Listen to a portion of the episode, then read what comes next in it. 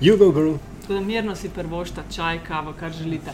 E, ok, Ljaš, številka 57 je to. E, kaj je prva asociacija ob številki 57? Jaz ti iskreno povem, pa nisem nikoli kadila, meni pade na pamet filter 57. No, meni pa, kako sem že rekel, 8x7, ne? ki je 56. Če se pa zmotiš, je pa 57. Meni se to redno dogaja. Sem v Pri matematiki sem tak, zračunal sem negativno ploščino lika 8x7, 57, tako pač površen sem. Reč, ja. Sam ta, sam ta stvar. Ne, ne, problem. Ja, no, ne, ne, recimo, ne, če se že o, o asociacijah vprašala. Ampak, ne, imamo pomembne stvari za povedati. Res je, to je Metin Čaj, številka 57, to je podcast o medijih, o dobrih in slabih praksah, eh, o tem, kakšno si želimo, da bi bili mediji prihodnosti in kaj so trendi, ki narekujejo razvoj. Gosti so profesionalci in profesionalke, ki vejo, kaj govorijo, ki v medijih delajo in se da z njimi pogovarjati in poslušati, izvedeti kaj novega. Uh, se pravi, to je 57. epizoda, na začetku ne govoriva več. Ne, najprej moramo zdaj goste predstaviti, ker imamo uh, spoštovana gosta, ker imamo mi dva uh, vedno dober feedback publike, nam tudi povejo, kako bi lahko bil tudi ta podcast še boljši. Ne? In uh, vajna vloga danes je, da ga naredita uh, kar dobrega, pač tako zelo odličnega, da bi bolj odličen težko bil. Najna gosta sta Arne Hodelič in Meta Krese, prva meta v metinem čaju. To pa ti nisva še imela, ne? ne Slavka ta je rečemo, kaj pa Arne? Arne tu, ja, ja. Arne je tudi prvi. Ampak ni Arne to čaj. e, tako. Uh, ja, gosta fotoreporterja, uh, novinarja, arne predavatelj in kup enih stvari, eh, oba v bistvu predavatelja, publicista, za vama je uh, tako karijera, ki jo lahko vikaš, tako da zelo pošašena, da ste našli čas, da smo se tukaj zdaj našli za to debato. Uh, Arne, ne, mi dva. Uh, ja, po, povod, ne, da, da sta oba tu, je pa v bistvu.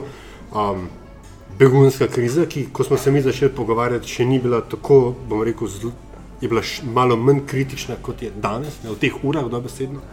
Um, ko ko uh, povod je bila pa tista uh, srce parajoča fotografija uh, uh, Ajlana Al-Kurdija, ki, ki uh, upam, da jo ne boš dala zraven kot fotomaterial. Nor, zato, ker zato, ker je bila to povod, ker so ker veliko medijev to, to objavili. Bila je tudi debata, ali je to tako fotografijo primerno objaviti ali ni primerno objaviti, v kakšnem kontekstu, v kakšnih družbenih razmerah in seveda potem vpliv fotografije, ene fotografije na rekel, medijsko, javno percepcijo nekega konflikta. Ker vsak, v bistvu, vsak konflikt z druge polovice 20. stoletja ima vsaj eno ikonsko fotografijo. Mhm. Vsi se spomnimo tiste vietnamske punčke, ki je pač opečena od napalma, beži stran, pa uh, lakota v Etiopiji, ki je leta 1984 bila tista fotka, ne, ne vem točno kdo je posnel. Kar, ne, ki, ki tudi drži te zgodbe. Nagrado dobil za tako, to fotografijo. Ja, uh, vojna v Bosni, itd. itd. Spomnim se, da je umor. Ja. Veš, na kaj me spomni? Ne?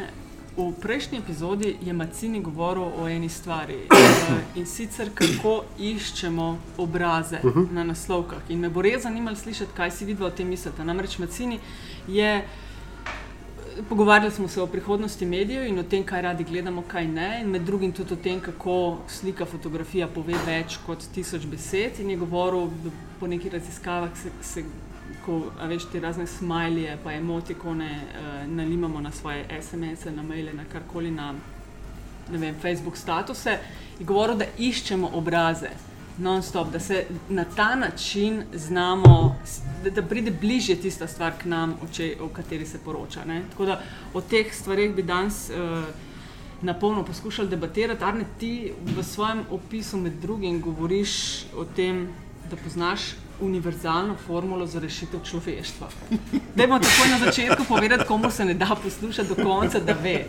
Vem, ne imeti otrok. Mislim, da je samo to problem. Ko sem poslušala vajen nastop tudi v Valu 202, se mi je zdelo, da si ti tako mal bil bolj pesimističen, meta pa, pa da je nekaj, no, vse so kakšne pozitivne, vse moramo tako gledati. Mislim, da smo kar oba zelo pesimistična. Uh, tako da um, meta se pa pač trudi, trudila se seveda oba z delom itak, ampak se bolj trudi biti optimistična, ker je pač pesimizem res ni uh, ena konz, uh, konstruktivna pot za nekaj narediti. Ampak nažalost, jaz pri nekaterih stvarih in begunska kriza je ena med njimi, ne vidim kaj več kot uh, brezizhodnost. Uh, vaju oba, tako spremljam vajno kariero, dokumentirata vem, uh, krize, uh, revščino, človekove pravice, uh, predvsej tega se da najti uh, skozi vajne, vajni biografiji. Kaj je bil tisti prelom, da sta tukaj videla svoje vem, poslanstvo ali pa nekaj, kjer vidita smisel svojega dela? Meta. Um, ne vem, A je kakšen dogodek, kakšen prelom ali karkoli, ampak pač probaš pisati o tistem, kar se ti zdi nujno, da se čim več piše in seveda tudi fotografira. Da, um, ne vem, delaš na tem, ne pač kot novinarka, novinar, fotograf, fotografinja, da upraviš svoje delo v, v tistem pač, um, prostoru, uh, katerem se, pač, se ti zdi, da, da, da, da je treba več delati na tem, no? da je treba, da pride do ljudi, da čeprav pač je ne zmeri rečeš, kdo pa to bere, kdo pa to gleda, ampak uh, ti si nekako svoj del upravljal. Ti si pač dokumentiral tiste stvari, ki se ti zdi, da, da moramo v njih vedeti, da moramo v njih razmišljati in da ne smemo na tak pesimističen način dvigati roke in reči, da se ne da nič narediti. Da se narediti, ne? absolutno se da narediti, samo ljudje morajo vedeti, da stvari naštimajo. Ne? Se, če, ne vem, smo bili prvič skupaj v Gazi, ne se če ne bi. Jaz mislim, da vsem več ljudi nekako zve potem, ne, da kaj se zares dogaja. Kako, ne. Ne, v tom sem jaz pripričan, da več ljudi zve. Zadnjič sem bil na neki okrogli mizi o beguncih in je bilo na koncu smešen, ker smo prepričevali prepričane. Vsi smo bili prepričani, ker so očitno tudi samo taki prišli in smo se pogovarjali tiste stvari. Noben je rekel, jaz pa ne.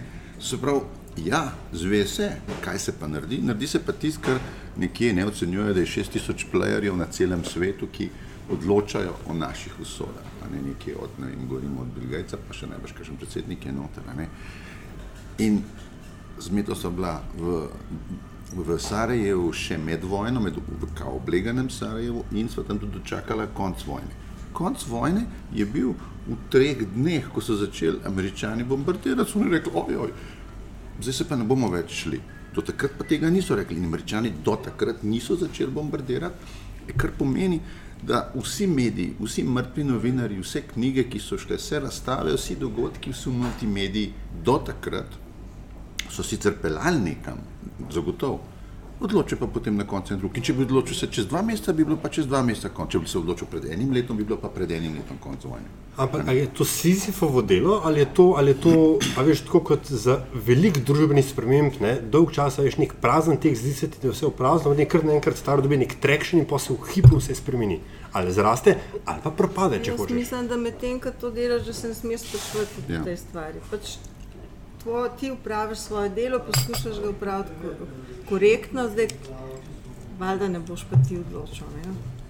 Ampak, a če To sem jaz- drugi, ne. Če sem te prav razumela, Arne, v bistvu hard power, ne soft power. Ha. To odloča danes. a Ne? Danes Ne odločajo kako močno te zna nekdo objeti, ampak kako močno nekdo udari.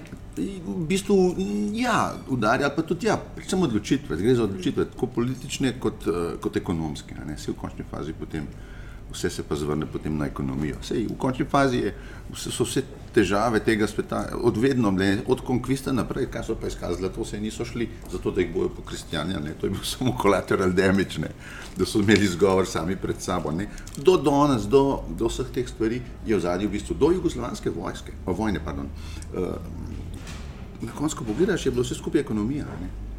Pač ni šlo več, ni šlo tako, ni šlo drugače. To je bil denar v zadnji. Vojno, vojno, ne. In bojim se, da je tudi eh, begunska kriza, če se navežemo, kar smo začeli pogovarjati, zagotovo rezultat uh, nečesa, kar se je dogajalo že stoletja. In danes pač plačujemo ta račun. In ljudje niso pripravljeni plačati ta Vem, račun. da ga mi nič ne plačujemo, da ga še drugi ne, plačujejo. drugi ga plačujejo. Ja, tako. Zdaj ga bomo pa tudi mi začeli, najbrž ali Mislim, kakorkoli. No, ja, mi mislim, ga še hočem reči- vseeno bomo, še ne, zmeraj ga bojo se samo bojim. begunci Ja, točno imate plačevali. zelo prav. Račun je prišel, sam plačal ga ne bomo. Mogoče ne, ne še ta generacija, ampak eh, prihodnje. Mislim, pri tem, uh, uh, zato sem prej rekel, ne, da stvari zelo hitro zrastejo ali pa, ali pa propadejo. Ne, zdaj, uh, um, Suspens šengenskih, šengenskega sporozuma, ki se, ki se te dni dogaja, ne, ko pač države Evropske unije nazaj postavljajo uh, kontrolne točke. Ali se mi zdi en tak primer, kako uh, uh, stvar, problem, ki ga, ker begunska kriza ni od včeraj. ne. Mi imamo dve leti, smo gledali, kako se na, so na Lampeduzo uh, bežali, pa Že so več. tam že, Ja, že pa več, ne. Grčija, ne. pa Grčija, pa tako dalje. že. Ampak zdaj je pa to, ne, ta val teh ljudi je prišel dobesedno na vzhodno mejo, jugovzhodno mejo Evropske unije. Ne. In potem kar naenkrat stvari, ki smo jih mi v Kobajagi civiliziranem uh, in mirnem zahodu, kjer je bil pač preužitek še edino vodilo, um, stvari, ki smo imeli za samoumevne. ne. Veš, mi- Ti imaš generacijo ljudi, danes, ki je že polnoletna, ki, ali pa no, skoraj polnoletna, ki ne ve več, kaj je to meja med Avstrijo in Nemčijo, recimo, ali pa med Slovenijo in Avstrijo. Ne. Zdaj, ker naenkrat so tam neki policaji in nekaj od tebe hočejo. Veš, in, in vse te, vsta napredek, ki smo ga naredili, je do, v dobesedno v treh dneh je, je, je v, pod velikim vprašanjem. Ne. In, in uh, ka, veš, kje je tukaj, oziroma kdaj um, fotoreportersko oko, ne, ki, ne bi, ki ne bi pokazalo, um, ki ne bi pripovedovalo neko zgodbo, uh, kje je ta meja med um, poročanjem in aktivizmom, ne znam drugače vprašati. Oziroma, a sploh lahko to dvoje, veš, ločeš, ko ti, ko ti vidiš tisto mizerijo tam v, v, v, v, v živo, kako zelo se lahko koliko se lahko distancirati, pa koliko se preveč distanciraš, kje je ta nevarnost nekega hladnega cinizma. Ne vem. Mislim, seveda je vse to subjektivno. Ne? Prej je Nataša rekla, da je ena, besed, ena slika več kot tisoč besed. Mi smo danes uh, generacija uh, vizualnosti in uh, če pogledamo socialne medije in tako naprej, je so stvari, ki utegnejo, je vedno fotka. Najprej pogledaš fotko ali pa tudi tu revija, potem prebereš podnapis in čez zadnje, če mogoče greš še brati nek tekst v neki reportaži, če govorimo o našem delu. Tako da vizualnost uh, zagotovo je tisto, kar, uh, kar, eh, kar potegne. Jasno pa je, ne, tega se pa zelo malo zaveda, ne tisoč besed, ja, ne, ampak fotka je tudi izredno lahko subjektivna in je, ne, ne, da je lahko je subjektivna in je izraz in odraz, če govorimo o, o fotografiji človeka, ki jo naredi. Prav tako tekst, meta, ki piše, zagotovo stoji na nekem svojem stališču in prav je, da, tako, da, da, da, da imamo neko stališče, ko delamo, ne, ker tako bojo ljudje lažje. Tukaj ni absolutne resnice, tako da zdaj ja, zelo težko pa je tam, ko si, ne, ker ti vidiš le en majhen segment, ne, ti ne moreš videti kompletno cele slike. Ne. Ne vem, če gledaš v subotici, je grozen, zdaj pa aj druget še bolj grozen ali manj grozen, pa pač ne veš, ali pa greš še na en, dva konca in vidiš, pač kako je, ne moreš pa posod. Tako da vedno je to subjektivno, zagotovo. Ni vedno, ne? ampak medve pač niso nikjer v službi, so mljakarja in si sama izbirava teme. In gotov, uh, ne recimo, če en tak star primer naj in povem, ne? ko smo bila prvič v Gazi in se je Arnetu zdelo nujno, da pač slišva tudi drugo stran. ne. Da slišva tudi drugo stran in sem bila jaz absolutno proti. Ne? Zakaj pa? Mislim, Odločila sem se, da bomo delali to gazo, briga me, mislim, kaj, kaj mislijo o tem, uh, pač te um, Settlerji. settlerje, kako se reče po slovensko, Ja. ja. priseljenci. Ja, naseljenci, ne priseljenci. Ja, naseljenci, če bi bili priseljenci. oni so- Ne. Ja. Um, tako da, ampak se mi zdi, da kot, uh, kot novinar, ki delaš reportaže, ki ne delaš novic, ne, si to lahko prvošaš, si pač sam zbereš pač sogovornike. Ne. In tudi takrat, no, če dokončam to zgodbo z naseljenci, settlerji, tako, je bilo potem pač ta stvar tako rešena, mi da so se en dan potovali do njih, čeprav so bili oddaljeni mogoče 20 km. Ampak potem oni niso hoteli z nama govoriti, tako da je bila ta, ta problem objektivno, subjektivno zelo, Zelo hitro rešen, ja. rešeno. Ampak se mi zdi, da, da, da pač absolutno gre tle za. Da, da ne moreš govoriti o nekem objektivnem novinarstvu. Se mogoče tudi to, ne? to se nekaj navezuje na tisti, na, na zg- Metin Čaj z Boštjanom Videmškom. Ne? Vi kar nekje se pojavite, nekje, ne, ne, ne, neke fotografije iz nekih območij, ki jih mi sicer samo po televiziji ali pa pač po socialu vidimo, vidite se pa kaj odpravite. Na, ne vem, imate vnaprej kontakte, a greste kaj na pamet ali, ali kako. Čist obrtniško, kako vama sploh uspe material dobiti, pa pol stvar sestaviti in dostaviti. Ja. No, to bom jaz povedal takole. Jaz tukaj delam bistveno manj kot meta, zelo kot fotograf, če greva skupaj delati, namreč tako, da sem jaz fotograf, meta pa tekstopisce, zagače to ona fotografira, jaz pa tudi pišem. Ampak kadar delava skupaj, si pač razdeljujeva ta- to delo. Uh, in uh, priprave so ogromne, zato bi jaz samo povedal, ker Meta ne bo v svojem delu rekel, da, da je ogromno in enormno. To jaz povem, zdaj pa ti povej, kakšne so priprave. Seveda, to je vse pripra mislim, pripravljeno, zmenjeno, dogovorjeno, eh, kontakti eh, takih in drugačnih NGO, ampak evo. Ja, samo potem se začne tudi rolati. ne. Dobiš par kontaktov in potem delo steče naprej. To. To je pa to tisto prvo najbolj pomembno. Mislim, brez tega je brez smisla kamorkoli sploh hitno.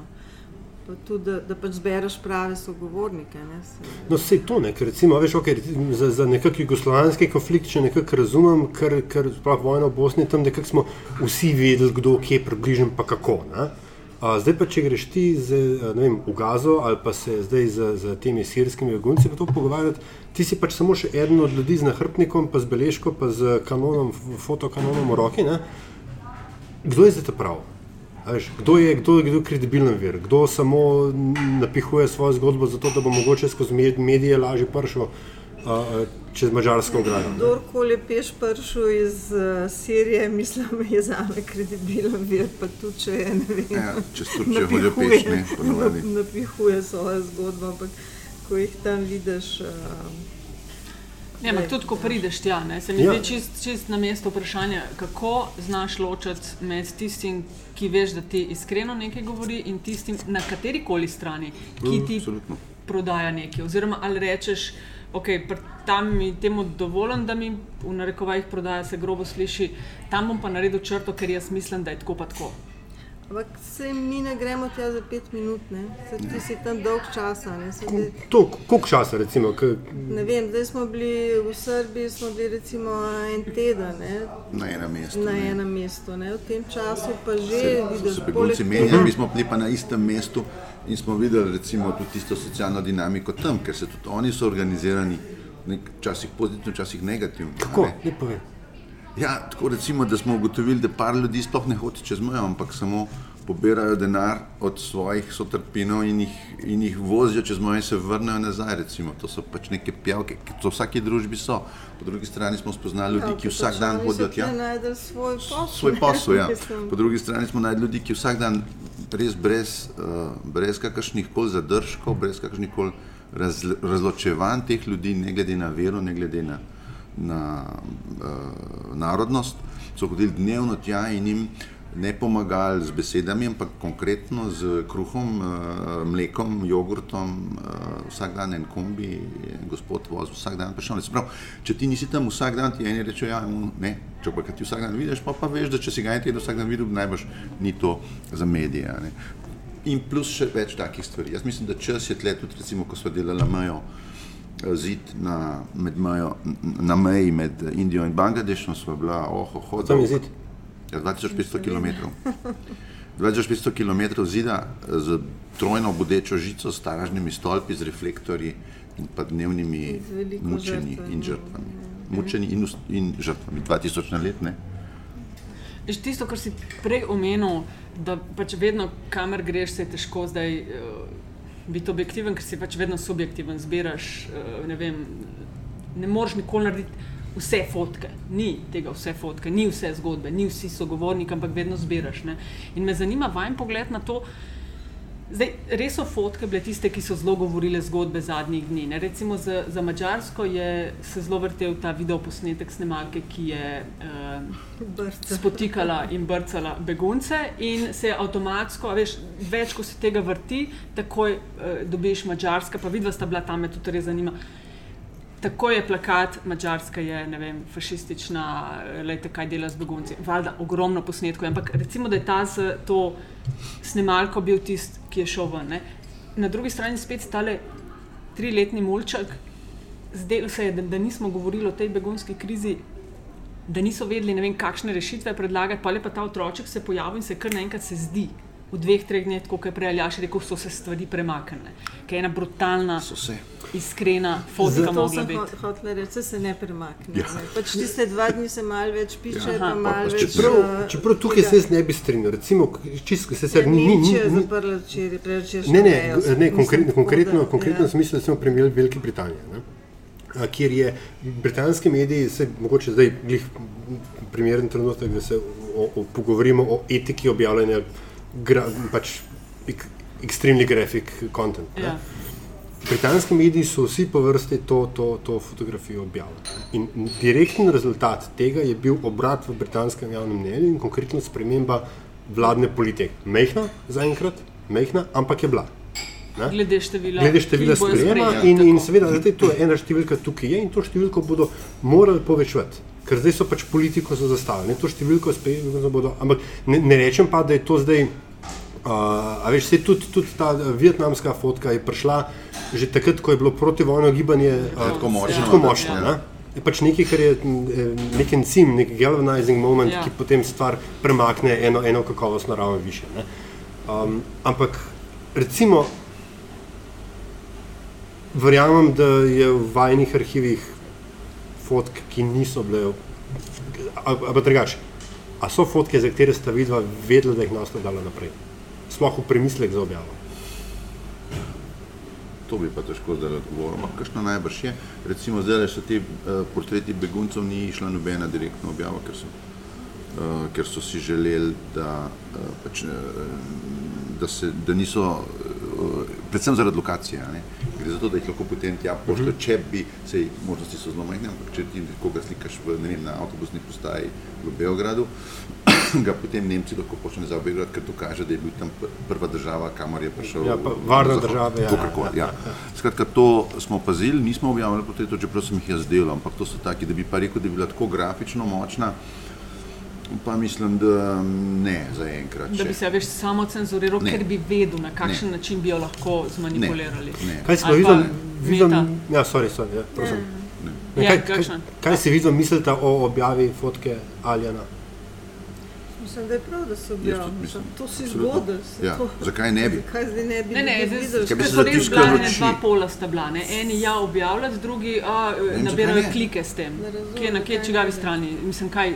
Pa zakaj ne? ne? Čeprav so bili tudi, pol, jaz sem bral tudi par komentarjev, ki so bili popolnoma v bistvu obratni, ne? Kot, mislim, v negativnem smislu do, do, do beguncev, ne do, a, zaradi te fotke, ker so čisto absurdno, abotni, ne? jasno.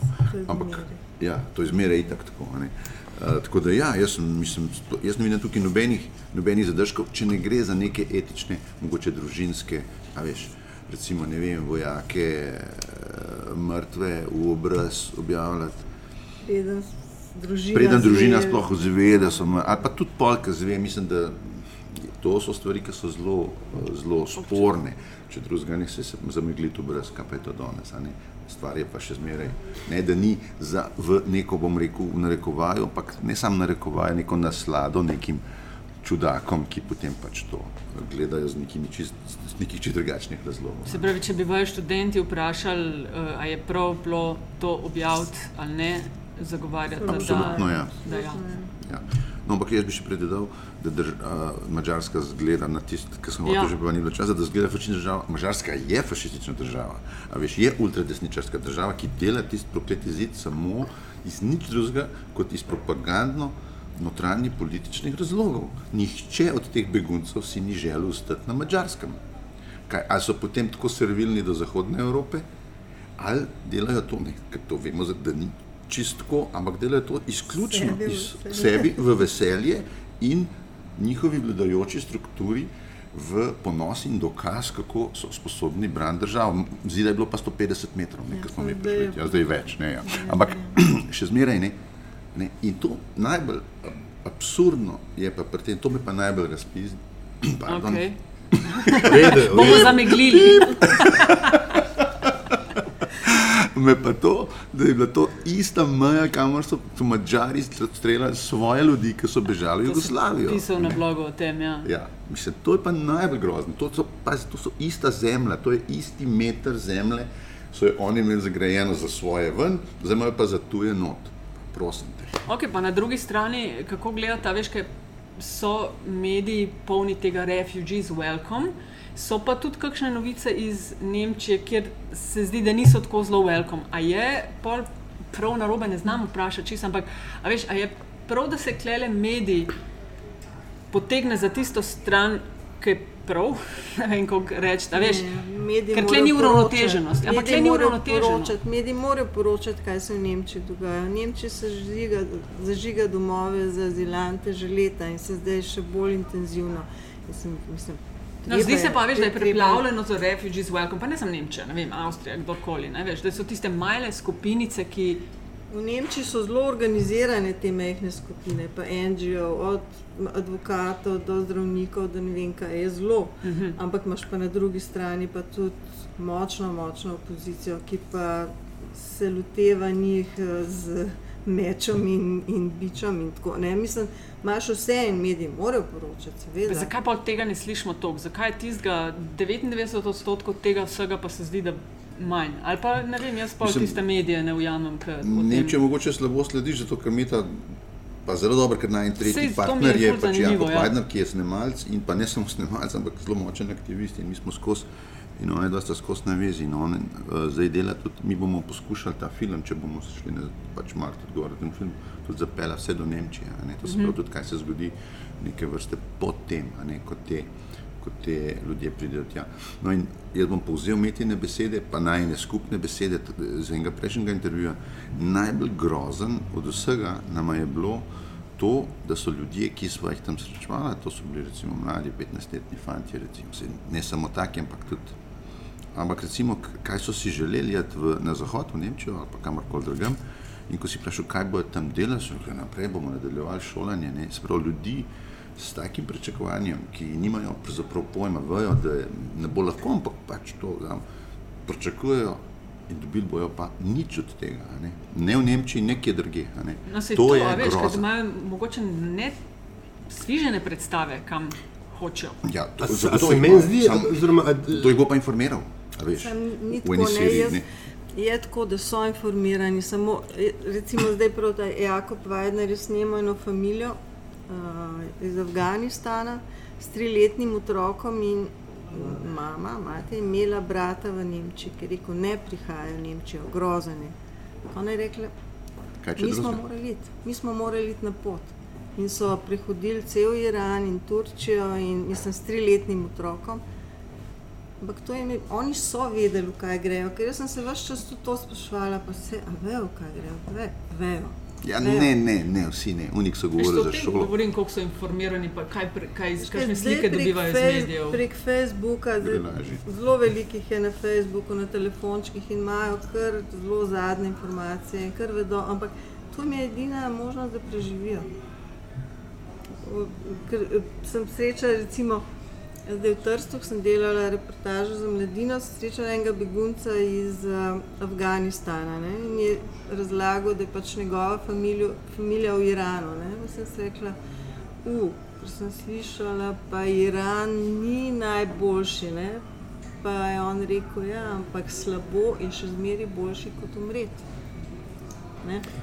Tako da vejo, ampak to je to. Žižek je napisal tekste The Non-Existence of Norway. Ne? In A, a je kljub samo temu vendarle ne, Nemčija, Norveška, Švedska, ne, da, da so to v bistvu to fantazme, obljubljene države, da to niso te konkretne države, ampak da v bistvu to simbol boljšega življenja, ki ga potem, ko prideš tja, ga ni.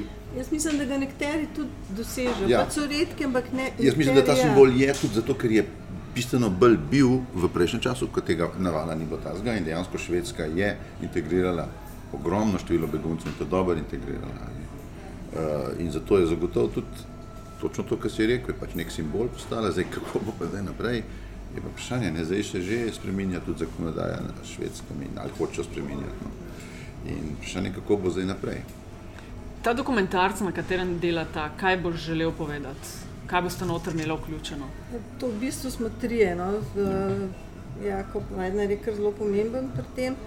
In je tako, da pač mi nočemo samo, zdaj, zdaj smo v glavnem delali na tej poti, ne, na tej pač v Evropo, kako priti v Evropo, ampak naš namen je nekako se začeti v Afganistanu, Pakistanu, v Siriji, zakaj sploh grejo na pot in potem končati v Nemčiji, na Švedskem, Angliji, kako se skratka cel to od na ta pet novinarskih vprašanj želimo odgovoriti mm. zakaj, kako, kje.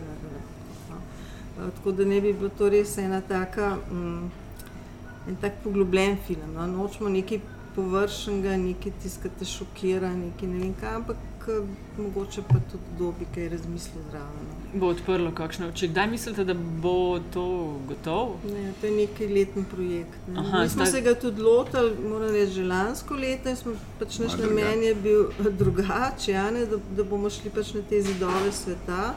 Da bomo v Bangladeš, eh, pač tam, kjer so že bila Mehiko, Gaza, ja. Cipr, v končni fazi. Šte fizične zidove, ki jih postavljajo na političnih ja. mejah. Zdaj se je skazalo, da pač, uh, mi živimo v Evropi, pač da imamo delati Evropo. Ja. ja, zdaj, da imamo ja, tudi mi zidove. Zdaj, zdaj je to tukaj, ne? Ja, ja, hipo, hipo, več hoditi v Indijo. Ko je Karmen še vedno poročala z srbsko-mađarske meje, ne, se vedno se križno zarišče preselilo. Ne. Sem bila ravno na tem, da se tega spomnim tvojega tvita, ne, da veš, to so ljudje, ok, se je tam nekje dogajalo, noben ga ne poznamo, pa ne vem, tisoče kilometrov stran, ne. Zdaj to več ni tako tisoče kilometrov, ne? zdaj je to res par ur vožnje stran, kjer se te stvari dogajajo. Kako to zelo vajo spremenja? To spremljanje vseh teh trpljenj, revščin, kazanje na, eh, kje družba ne deluje, kot bi mogla, kakšne posledice je to pustilo na vama. To je težko reči, ker ne veš, kakšen bi bil, če ne bi tega videl. Ampak ne vem. Pesimizem zagotovo, pri meni ja, je to lahko reči. Pač veliko se s tem ukvarjaš, prebiraš in tret. Misliš, kaj bi lahko naredil, pa ne narediš, ne ja. pa kaj pa narediš. Da je to del nekega tvojega življenja, postane. Ja. In, um, postaneš mogoče tudi malo netoleranten no, do, do ljudi, um, ki nočejo vedeti, kaj se dogaja v ja. svetu. Zdaj, to se mi zdi, da nam je tudi uh, delno Boštjan mm. pripovedoval, ker smo ga gostili v umetnem čaju. In točno to, da ko greš, kar sta prej govorila, na ta območja, kjer res vidiš eno bedo in, in trpljenje in, in mali človek proti mnogo hujšemu nasprotniku, težko ostaneš ne vem, uravnotežen ali kaj, kar se mi tako in tako zdi ena predvsej bolj ali pa najbolj butastih for, ki se jih skušamo iti v novinarstvo. Ker... Pač težko je tukaj potem živeti, tam ni tako težko. Ne? Tam pač nekaj poročaš, nekaj delaš, nekaj se trudiš, popiš nazaj pa potem vidiš nekega bogega slovenca, ki se tam za en kvadratni meter sosedovega vrta prereka cel svoje življenje. Pa si rečeš, hej, halo ali bo hruška zdaj čez, čez mejo gledala, ali bo hruška na to stran padala, ali pa na ono stran. In to dejansko Slovenija je vem, zelo velik. Tudi Slovenija je vedno bolj zaplotniška, je jasno. To vidimo že iz medijev, ko, v bistvu, ko, ko je dejansko mora, so morali begunci potrkati k nam, da smo ugotovili, da so. Ne? Da, da uh, veš, ne vem se tudi od zunaj dogajajo druge stvari, da, mislim, tudi dobre stvari. Veš, enostavno mi smo tukaj zaprti v ta podalpski plotek in, in ja. vsak, ki vam pogleda, je že. No, jaz lahko povem za Švico, ker sem tam no, živel, je še slabše. No, no, v redu. To sem hotel slišati, hvala. Da nismo slovenci tako zelo posebni. Ja, so, oni niso na sončni strani, no, zato so še manj slabši. Jaz bi pa tako narušila zgodbico, povedala prejšnjega tedna, ko sem šolko metal breznik na teh demonstracijah. In potem greva domov in reče, ti, a misliš, da bo sploh to hotel k nam priti? Mene pa tako skrbi, da ne bi ga Bog nam. Tako da nismo vsi zaplankani. Včasih se mi zdi, da več ko spremljam in odziv naše vlade, zakonodajalcev. Prebirala sem magnetogram seje, o, uh, seje odbora za zadeve Evropske unije. Uh, Kaj narediti in kako se Zakaj se sami. nima- zakaj se nimaš Zato, rada? ker pišem kolumno, ki hočem povedati, da bi bil eh, rad naslov: Ugasnite luči, da ne bodo mislili, da je tu še kakšna država. A veš, tis, ne grejo mimo, ne bi se s tem ukvarjali, ne vemo, kaj bi, kako bi. Sam, jaz bi tako rekla, ne, da imamo zelo dobre prakse, zelo v bližini. Ne. Jaz sem zdaj delala pač reportažo v Trstu, ki ima 700 beguncev ne, in je pač organizacija nevladna, ima pa pogodbo z Tržaško prefekturo. Uh, Ki dela od leta 1993, vse čas se dela na tem, ne. niso nič prekinili, nič niso zdaj presenečeni, seveda so s to množico presenečeni, ampak je neka tečenja. Infrastruktura obstaja, hočeš reči. Obstaja, mislim, ne, ima recimo 60 zaposlenih, ta IČS je nevladna organizacija, 60 zaposlenih ljudi, mislim, begunce imajo po stanovanjih, pač ne. Tako da, Ampak to je? A Veš, Slovenija, ta uh, uh, spomin na, na bosansko vojno in bosanske begunce ne, je še zelo živo. A Veš, to, to mislim, Premalo. ne, ampak, ne, ampak ho- hočem reči, da veš, mi smo, Slovenija takrat, če sem se prav zapomnil, mislim, da je 19 tisoč beguncev bilo kle, ki smo jih Na nekako. 22. A so 22? več jih je A bilo. še Ne, okrog cifrah do 100 tisoč se Ja, govori. okrog v 98 Sloveniji. tisoč. Ja, No, ja, ja. ok. Sam je nekdo zelo dober upozoril, eh, večina jih je bilo pri sorodnikih. ja, Pa tisto, kar pa ni bilo, je bilo pa pač po, po eh, infrastrukturi. Ne, je- ne, je- je- ja, infrastrukturi, ne. ja. Ampak tukaj moram vendarle ne, zdaj, um, odigrati ne glih vlogo PR-ovca, ampak ne, od včeraj zvečer uh, civilna zaščita pravi, da nekaj tisoč bi jih lahko smestili, če bi pač sprožil, tako da nekaj se dogaja. Tako, Pa deset šotorov so na Mačarsko poslali. Glej, v, re, v redu, a veš, mislim, to je. A, a, a, a, kaj se smeje ta? Deset je boljš kot devet. ne, To je res, ali pa nič. Sam Ja, je pa nastalo vprašanje, komu, a bolcajem ali beguncem. Ja, a veš, sem, sem, po drugi strani veš, pa, imaš pa zdaj, zdaj, to so pač te veš, abotnosti slovenskih mehkih številk. Ne? 21 beguncev smo zajeli, ja. danes so jih pelali nazaj, uh, zdaj misel, v torek to snemamo, to treba povedati. Um, Mačari jih nočejo. To je tako, izpred pol ure, ne? so pač ja. rekli, kar majte jih. Veš, ampak hočem reči, to je zdaj 21, ne? pa 10 čotorov, pa tako dalje. Pač Zvedno se začne s kapljicami. In tudi Britanci, jih, veš, to, da Britanci vzeli 20 tisoč ljudi čez v, v, v, v roku 4 let, je brez veze. Ne? Ampak počasi, počasi, ali hočem reči, da je mogoče se stvari vendarle premikajo v pravo smer, je pa pač res, da se hkrati premikajo tudi v zelo A napačne veš, na smeri. kaj ne. me to spominja? Ja, se premikajo v boljšo smer, ker je pač deset boljš kot devet ali pa nič, ne? Ja. ampak po drugi strani se mi zdi pa tako, kot ko debatiramo o zakonu o medijih, danes sprejemamo nekaj, kar Ja, bi 10-20 ja, ja, let seveda, nazaj seveda. ne. Ampak gled, Evropa je znana po tem, da naredi pravo stvar, potem ko poskusi vse ostalo. Ampak dajmo poskusiti delati in biti trendsetter, ne follower. Jaz bi tle rekel to, kar si začel že s to slovensko, pa z izkušnjami. Ne. Jaz se zelo dobro spomnim, uh, ker smo pač malo starejši, ne, smo to zelo dobro spremljali v teh najbolj produktivnih letih, našo vojno balkansko. Ne.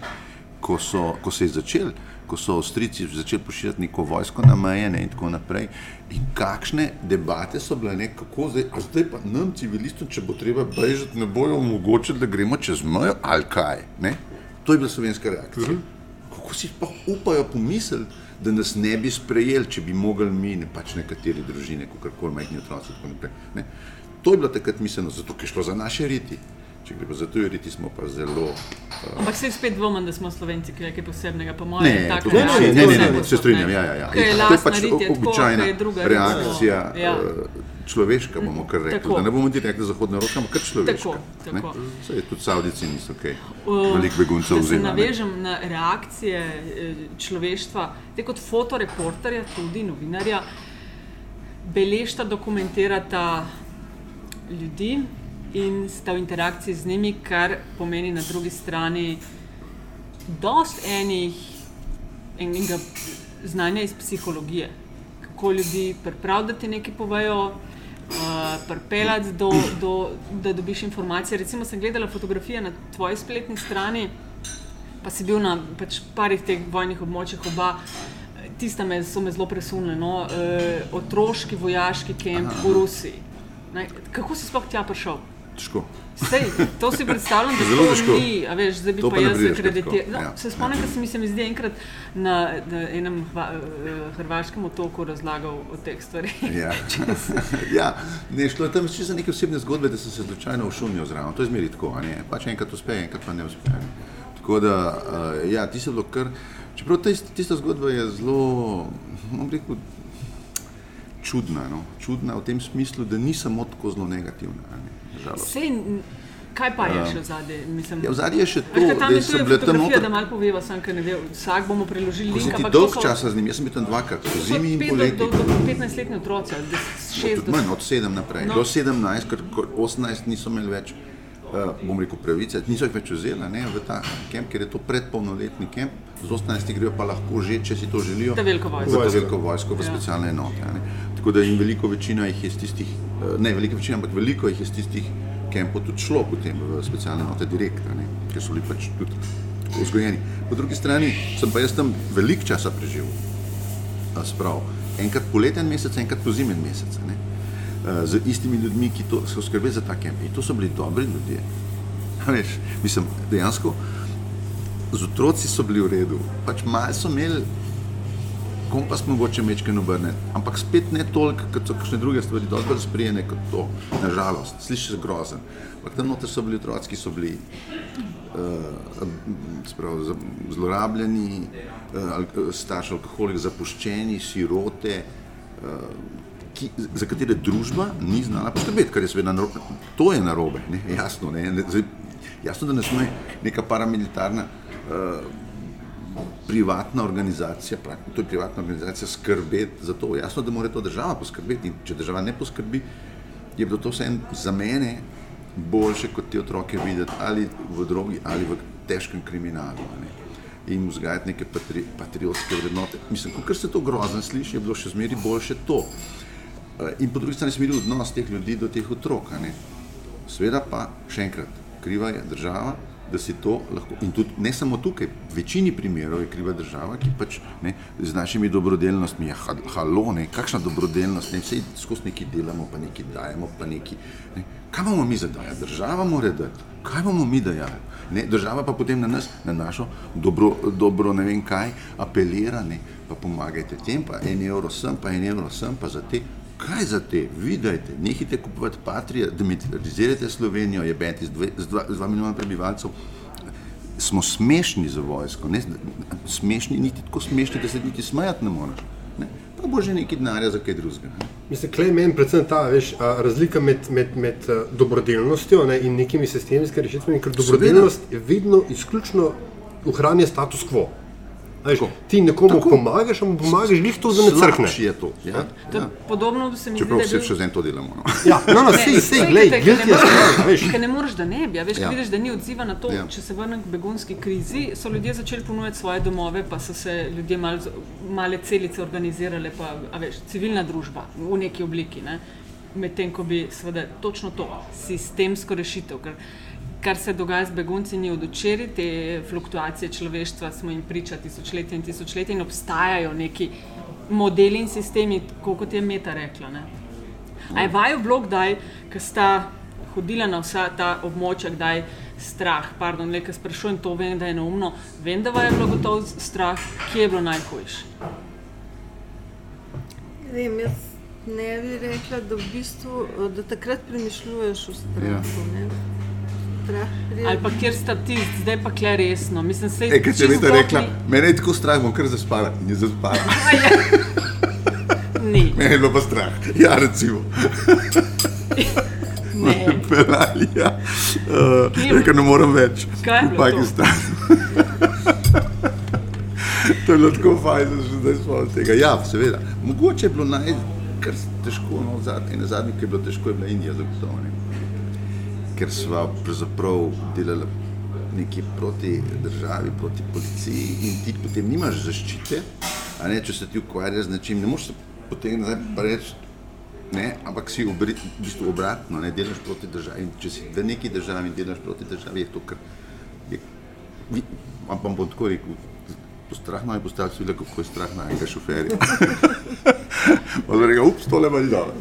Jaz nimam nobene take, mislim, sta bila na mnogo težjih območjih, ampak jaz se spomnim, recimo, ko sem bila ti par mesecev, dva meseca po tistem, ko je v New Orleansu vse skupaj razdejala Katrina. Sva s snemalcem šla tja snemati in sva se pač vozila po tistih odplavljenih območjih in zvečer sva šla v to francosko četrt. Uh, kjer, ki je znana med drugim tudi po tem, da so bari levo-desno in da se ne pije, ampak brutalno pije. Ljudje se tam tako, je, so skrajni primeri. No, in tam sva delala, se spomnim, ene intervjuje, se pogovarjala o tem, kaj se je dogajalo, kaj je vlada naredila. Zelo veliko so imeli, seveda, pripomb, ker je bil popolnoma Kolaps. neprimeren odziv takrat. Ne. In veš, iz intervjuja v intervju so v enem trenutku se je začela okrog naju zbirati množica ljudi, ki so začeli kričati. In veš, takrat pa. Takrat me je malo strah, ratal, ne? ker je bilo, veš, naenkrat tudi ti rataš kriv za nekaj, ne? ker so tudi čez medije imeli pripombe in povsem upravičene, seveda. Ne? In dobro ni, lej, sploh ne, da se zaprimerjati s tem, kar sta vidva dala Ne, čez, ne, ampak ne, tako ne, malo sem sploh ne. takšnega Ne, to, občutka je- jaz bi rekel, ta zahodna, zahodna nasilje meni je celo bolj strah kot pa nekega, bom rekel, tako imenega nasilja v tretjem svetu, takega ali drugačnega. Ta zahodno je mogoče še bolj zoprno, lahko to, kar si ti rekla, ni kar tako.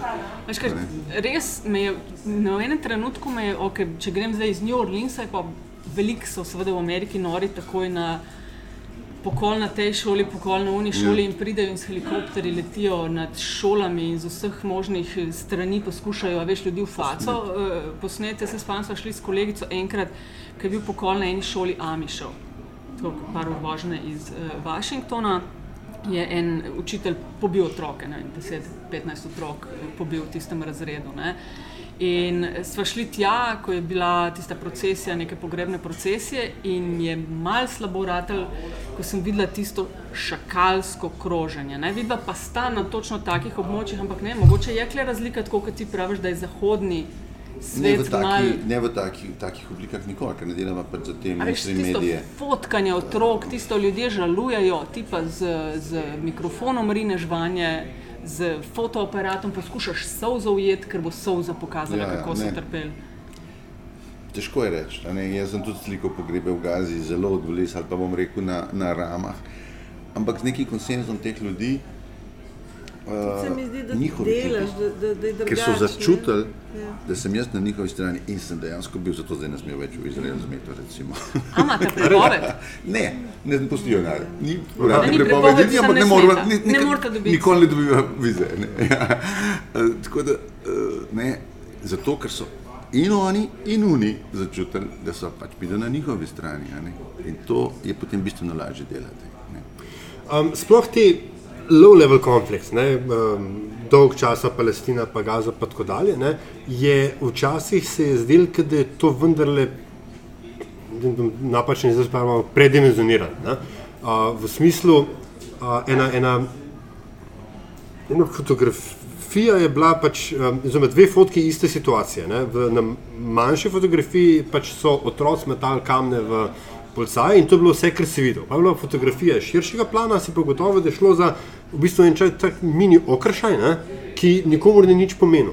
A je, a je um, Ne razumem. Ja, glej, se te ne znam Ja. ti čisto povedati. Mislim, da je en italijanski fotograf no, je, je uh, uh, to, pač to prikazal, kako so um, te, v bistvu te dnevne kamenjanja, tam Ja. ja. sploh v Palestini, ki se dogajajo, ne, kako je to v bistvu um, pre, kako preveč plastično prikazuje nekaj, kar je tam tako rekoč vsakdanje in čemu skoraj nihče ne Streljajo po vse. ne. Slušam, jaz sem bila na teh kamenjanjih No, in imamo vse, no, no, no, od kamenjanja no, to do žrtve, no, do otroka, ker v mrtvašnici leži do pogreba tega otroka, imamo vse. Možno. ja. So, so leteli. Pa mi imajo so letele krogle, zato so oni metali kamne. Halo?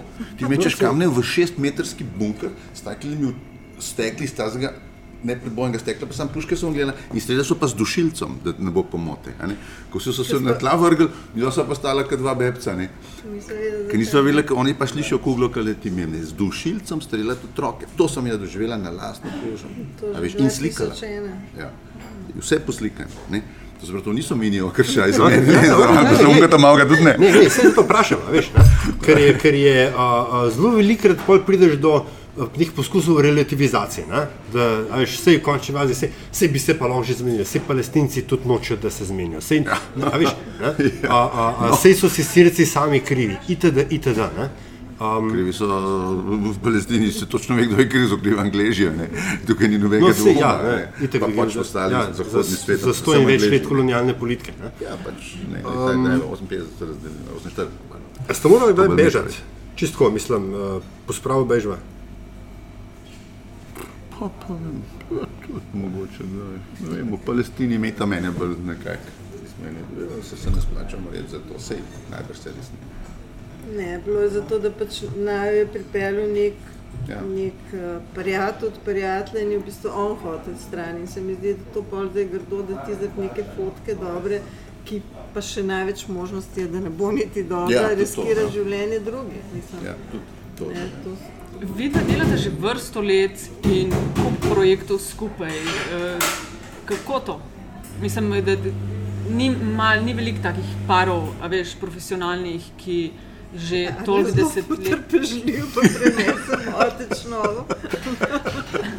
A, če- a se dopolnjujete, a se, kaj je tisto, za, zaradi česar hočete skupaj Ne, delati? skupaj smo gor rasla in zelo podobno razmišljava, ne, tako da se zelo hitro razumeva, pa veva kaj, ja, kaj ne. Tako da, ne, če pa z nekom ti začne, jaz sem imala kar dost prijateljev, um, dobrih fotografov, dobrih novinarjev, ki so tako šli skrb delati in so prišli nazaj največji sovražniki, ker se niso hoteli več videti, ker so pač karakterne razlike. Jaz mislim, da je tle predvsem zato, ne svetovno nazorske, kot ne, ker so nekakšne iste projekte.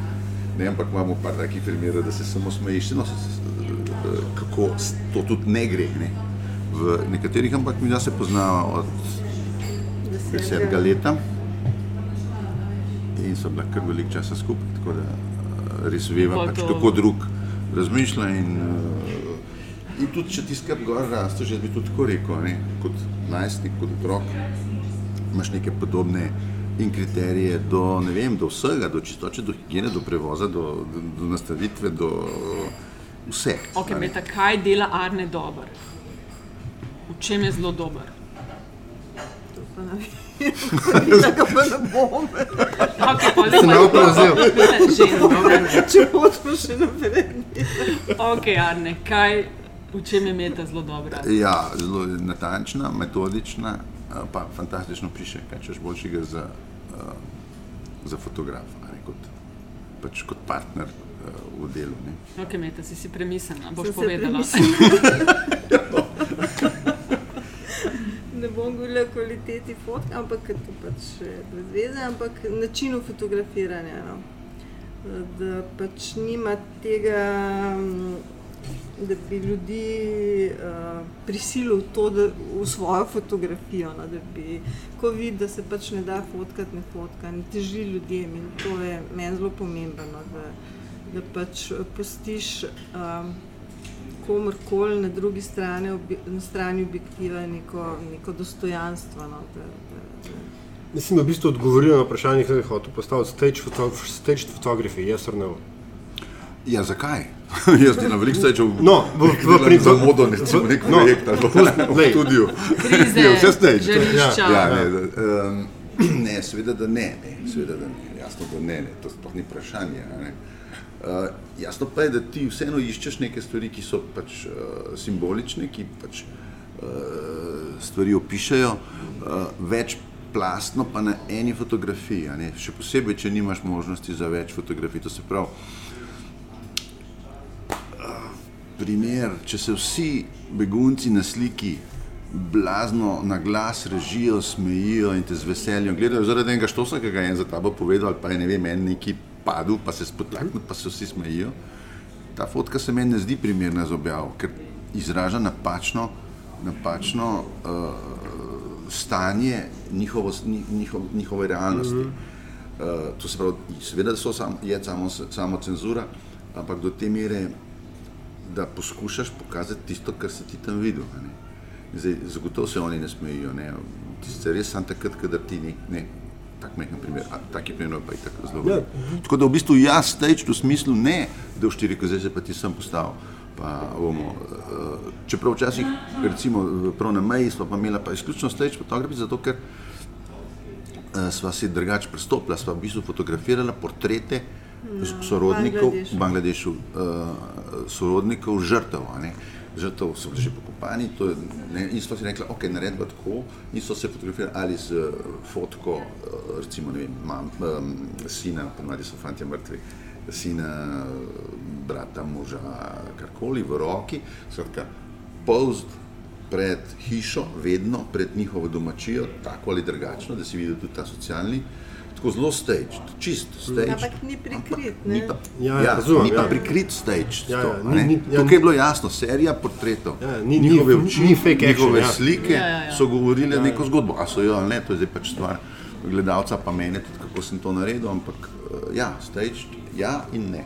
Gigovsko vprašanje. ne. Uh, ko, si, ko, ko se je fotografiral na celuloid, je, bilo to, je bila fotografija tako rekoč butična. Ne. Danes je serijska in uh, dostopnost uh, visoko profesionalne opreme je takšna kot nikoli. Uh, a je tvoj poklic, konkretno fotografski, no vajen v tem primeru, uh, če ko vas fotografirata, de, degradiranje, inflacija fotografov, so družbena, Absolutno. so družbena omrežja uh, slaba stvar z vidika reportažne fotografije. Mislim, uh, absolutno. Meta tukaj ni tako ogrožena, ker ima bistveno več avtorsko fotografijo. Jaz, uh, tisto, kar ona fotografira, nima veze s tem. Ona lahko fotografira na film, lahko fotografira na karkoli, ker je to res av, čist njen osebni avtorski pristop do nekih stvari. Jaz pa kot fotoreporter, za kar sem recimo včasih tudi plačan, redko sicer, ampak sem, uh, da kaj naredim, pač moram prinesti nekaj, bom rekel, ali zgodbo, ali nek prikaz, ali nič, ne, kakorkoli, neko zgodbo. Eh, In tam pa je inflacija enormna. In uh, zdaj je pa treba tudi tako povedati, da ne bo pomote. ne. Digitalnost je prinesla ogromno količino foto, eh, novih fotografov in novih fotografij. Uh, in s tem tudi ogromno kvaliteto. Ne? Tega nihče, to so vsi stari fosili, se reče, "Ja, zdaj pa že vsak dosti dob. Ja, ogromno je šodra, ogrom, ampak je pa tudi izjemno veliko dobrih.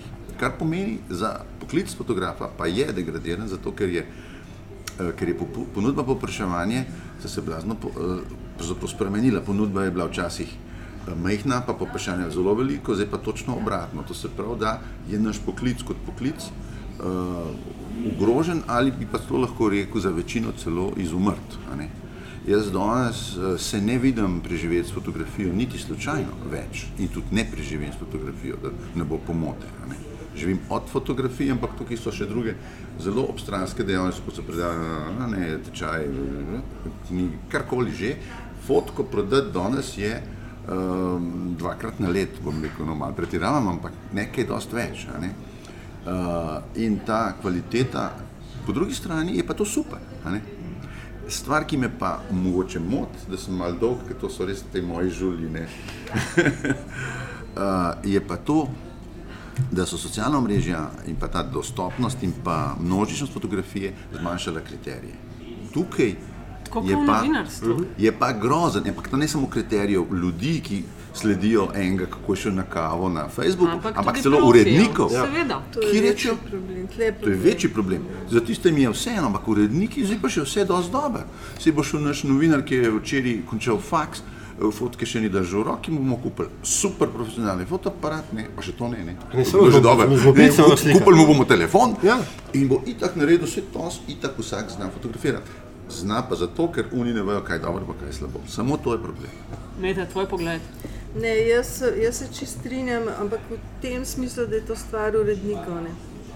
Uredniki bi morali pač narediti, uh, vedeti, kaj je dobro in kaj ni dobro, in tisto, kar je dobro, plačati. In to velja tako za Tekst kot tekst za- kot za fotografijo. In jaz mislim, da ta blazno um, stokanje, kako se ne kupuje dnevnih časopisov, več kako pada naklada, kako ne vem kaj, ni samo stvar uh, pač. Um, interneta in vsega tega, ampak je to stvar, stvar kakovosti časopisov. a ne. In da če ne bi kupovali raznih ne vem, pivovaren Laško in kam, ampak bi vlagali pač v novinarje, ne, pa fotografe bi, ti mislim, da bi tudi ne bi tako naklada padala. Okay, preden gremo k zanimivosti, s katero tradicionalno končujemo met in čaj, uh, mi povejte, kaj danes v dobi tega instant žurnalizma, instant fotografiranja, ki želimo vse na hiter, ki iščemo bližnjice, kaj učita študente fotožurnalizma. Kaj morajo brati, kaj morajo gledati, kaj morajo delati. Jaz bi rekla, da ravno to učiva, da instant žurnalizem in instant fotografiranje pač nima prihodnosti in da še zmeri nekako veliko poudarjava na kakovost in da je treba za vsako dobro zgodbo, za vsako temo si vzeti čas in dolgo delati na njej in da potem je pa to, to, to. Uh, res pa je, da to včasih izpade v fosile. Zdaj mi hoče reči, da takrat ni Ja, zavod. ampak glej, Ampak zato hodijo v šolo. Zato ne? hodiš šolo, ne se Ja. naučijo, potem bojo pa itak delali kaj ne drugega, ne, delajo. boš ne fotografije, ker itak ne bo ča, prostora in eh, denarja, da bo sploh še kdorkoli delal fotografijo, ker itak vsi delamo fotografijo, uredniki pa itak vse vzamejo.